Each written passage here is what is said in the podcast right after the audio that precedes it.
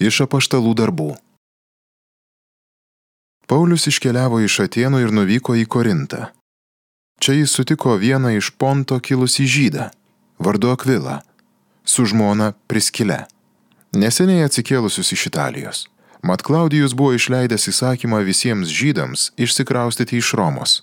Jis apsigyveno prie jų ir kadangi mokėjo bendrą amatą, pasiliko ten ir ėmė darbuotis. Jie vertėsi palapinių audimo amatu. Kiekvieną šeštadienį Paulius kalbėdavo sinagogoje, įtikinėdamas žydus ir graikus. Atvykus iš Makedonijos Silui ir Timotiejui, Paulius atsidėjo vien tik žodžio tarnystei, liudydamas žydams, kad Jėzus yra Mesijas. Jiems nesiliaujant prieštarauti ir pikdžodžiauti, jis nusipurtė savo drabužius ir tarė, jūsų kraujas tekrinta ant jūsų galvų.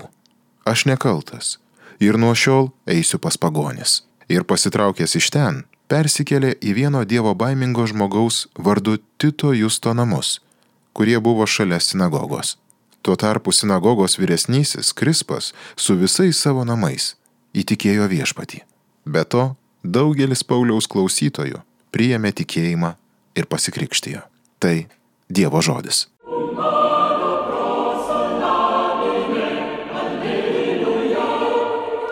Savo išganimą viešpats apreiškė pagonims.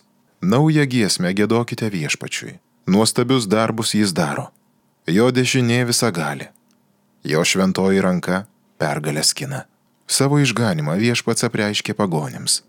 Savo išganimą viešpats apreiškė. Jo teisingumas šviečia pagonims. Atsimena savo gerumą, ištikimumą. Izraelio šeimai žadėta. Savo išganimą viešpats apreiškė pagonims ir mato visas pasaulis išganingai Dievo veikimą. Žavėkitės viešpačių šalys. Šūkaukit, džiūgaukit, grokit. Savo išganimą viešpats apreiškė pagonims.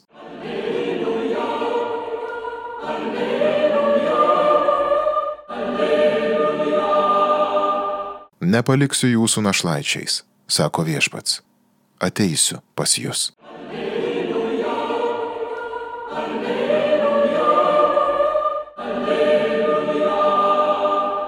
Viešpat su jumis, pasiklausykite Šventojios Evangelijos pagal Joną. Jėzus kalbėjo savo mokiniams, prabėgs valandėlė ir manęs neregėsit, ir dar valandėlė ir vėl mane pamatysit. Tada kai kurie mokiniai ėmė vienas kitą klausinėti. Ką reiškia jo pasakyti žodžiai? Prabėgs valandėlė ir manęs neregėsit, ir dar valandėlė, ir vėl mane pamatysit ir aš einu pas tėvą. Tad jie klausinėjo, ką reiškia valandėlė. Mums neaišku, ką jis kalba. Pamatęs, kad jie norėjo jį klausti, Jėzus tarė. Klausinėjate vieni kitus, ką reiškia žodžiai. Prabėgs valandėlė ir manęs neregėsit, ir dar valandėlė ir vėl mane pamatysit. Iš tiesų, iš tiesų sakau jums, jūs verksite ir vaitosite, o pasaulis džiūgaus. Jūs liūdėsite, bet jūsų liūdėsys pavirs džiaugsmu. Girdėjote viešpaties žodį.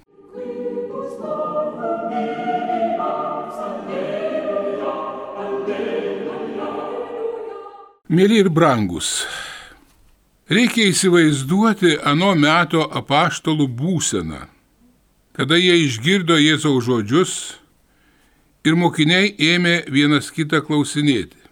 Ką reiškia jo pasakyti žodžiai? Prabėgs valandėlė ir manęs neregėsit, ir dar valandėlė ir vėl mane pamatysit. Ką reiškia ta valandėlė? Tada Jėzus supratęs, kad jiems neaišku, pradeda aiškinti.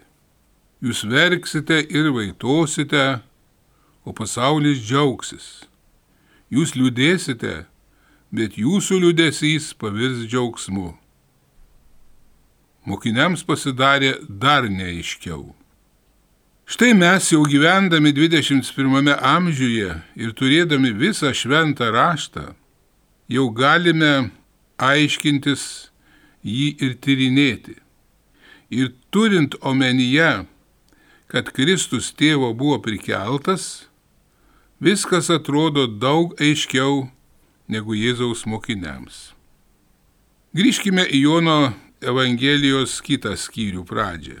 Jėzus sako, aš jums visą šitą kalbėjau, kad jūs siautėjimo metu atėjus atsimintumėte, jog buvau jūs įspėjęs. Jėzus puikiai suprato, kad jo mokslą ne visada mokiniai suprato arba neteisingai kartais interpretuodavo. Jėzus suprato jų ribotumą, suprato, kad jie nėra kažkokie rašto aiškintojai ir žinovai, suprato, kad jie dar nepribrendę nešti gerąją naujieną pasauliui. Ir kartais atrodo, kad Kristus elgesi paprasčiausia priešingai. Štai Evangelijoje pagal Luką skaitome. Štai Jėzus ten taip sako. Aš lovinu tave, tėve, dangaus ir žemės viešpatie, kad paslėpiai tai nuo išmintingųjų ir gudriųjų, o prieiškiai mažutėliams. Jėzaus žodžiai nėra kažkokia įsigalvota iliuzija, kažkoks keistas mokslas arba ribota tam tikra ideologija, kaip galima būtų suprasti tik išskirtinai kai kuriems asmenims. Jo mokslas yra energija, kuri pripildo širdis ir pakeičia gyvenimą. Ta energija gali priimti visi. Tačiau reikalaujama vieno kad jai būtų netrukdoma veikti ir kad jai neužsisklestume. Iki to laiko Jėzus mokiniams kalbėjo apie pasaulio nekentimą, apie persekiojimus, kuriuos jiems teks patirti. Todėl aišku labai natūralu, kad mokiniai ir nerimastauja. Tačiau kada jis pradėjo kalbėti apie tai, kad turi juos palikti, tas nurimimas pasikeitė į peraugų tokį didžiulį liūdėsi. Ar vietoj to, kad jie buvo laikomi pasaulio kažkokie keisti kitokie žmonės, ir štai dabar tas pats jų mokytojas turi juos palikti. Ir štai dar didesnis liūdėsys apgaubė jų vidinį pasaulį, kažkoks vienišumas praradus Jėzų. Todėl jie ir klausė Jėzaus, kur eini? Tada Jėzus atsakė, kadangi jums tai pasakiau, liūdėsys jūsų širdis užliejo. Bet sakau jums gryną tiesą, jums geriau, kad aš iškeliauju, nes jei neiškeliaučiau, pas jūs neteis globėjas o nukeliavęs aš jį jums atsiųsiu. Šio teksto labai yra gražus Šventojo Augustino komentaras. Štai jis Jėzaus vardu šitaip kalba. Labai gerai jums, kad ta būsena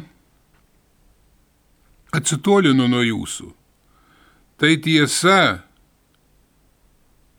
gyvenu tarp jūsų kaip žodis, kuris tapo kūnu. Tačiau nenoriu, kad būtumėte prisirišę prie manęs tik kūniškai.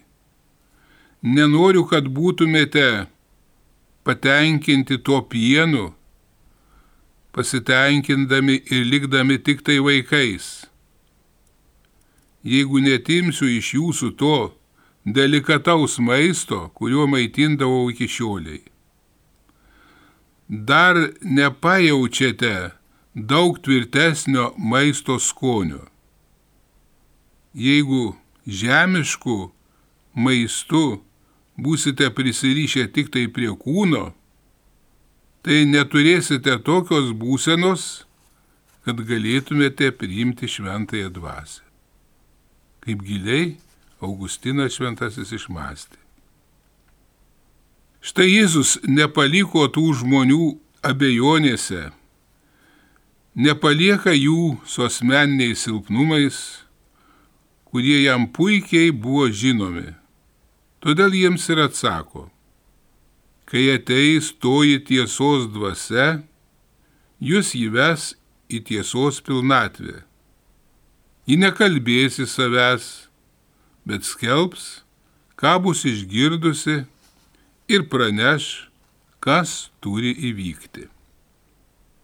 Tačiau šventoji dvasia yra tai galinga jėga, kurią Dievas mums duoda, kad mus paskatintų, nuramintų, sustiprintų, saugotų ir apšviestų. Tai ta pati dvasia, kuri sugyvina Evangelijos žodį ir žodis tampa darbais. Ten, kur trūksta šventosios dvasios, ten Evangelija lieka tik užsklesta knyga, mirusi raidė. Kada Jėzus pasakė, kad Nikodemui, kad reikia atgimti iš aukštybės, Jėzus turėjo mintyje, jog reikia priimti šventąją dvasę ir leisti jai veikti mumyse, kad jį vestų toliau prie tiesos. Šventoji dvasia rašo gyvąją Evangeliją mūsų širdyse, atlieka tai, kas tampa mūsų kūnu ir siela. Brangieji, mes jau esame kartu su apaštalais gyvieji tų dalykų liudytojai. Esame jau patys įsisavinę Kristaus mokslą ir stengiamės jį pritaikyti savo gyvenime.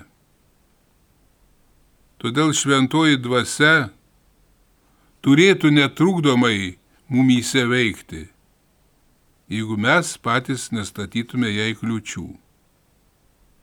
Štai esame taip pat brangiai bažnyčios nariai visuotinės bažnyčios tos, kurią paliko pats Jėzus Kristus ir norėjo, kad ji būtų viena. Todėl bažnyčia kaip geroji motina neklaidingų savo magisteriumų arba bažnyčios mokymų iki šių dienų perteikė gerąją naujieną ir toliau, kaip rūpestinga motina, stebi, globoja, myli, rūpinasi mumis ir nori, kad mes išliktume ištikimi tai gerajai naujienai. Tik mums reikia patiems likti pastoviai ištikimiems gyvajam Kristaus mokslui. Amen.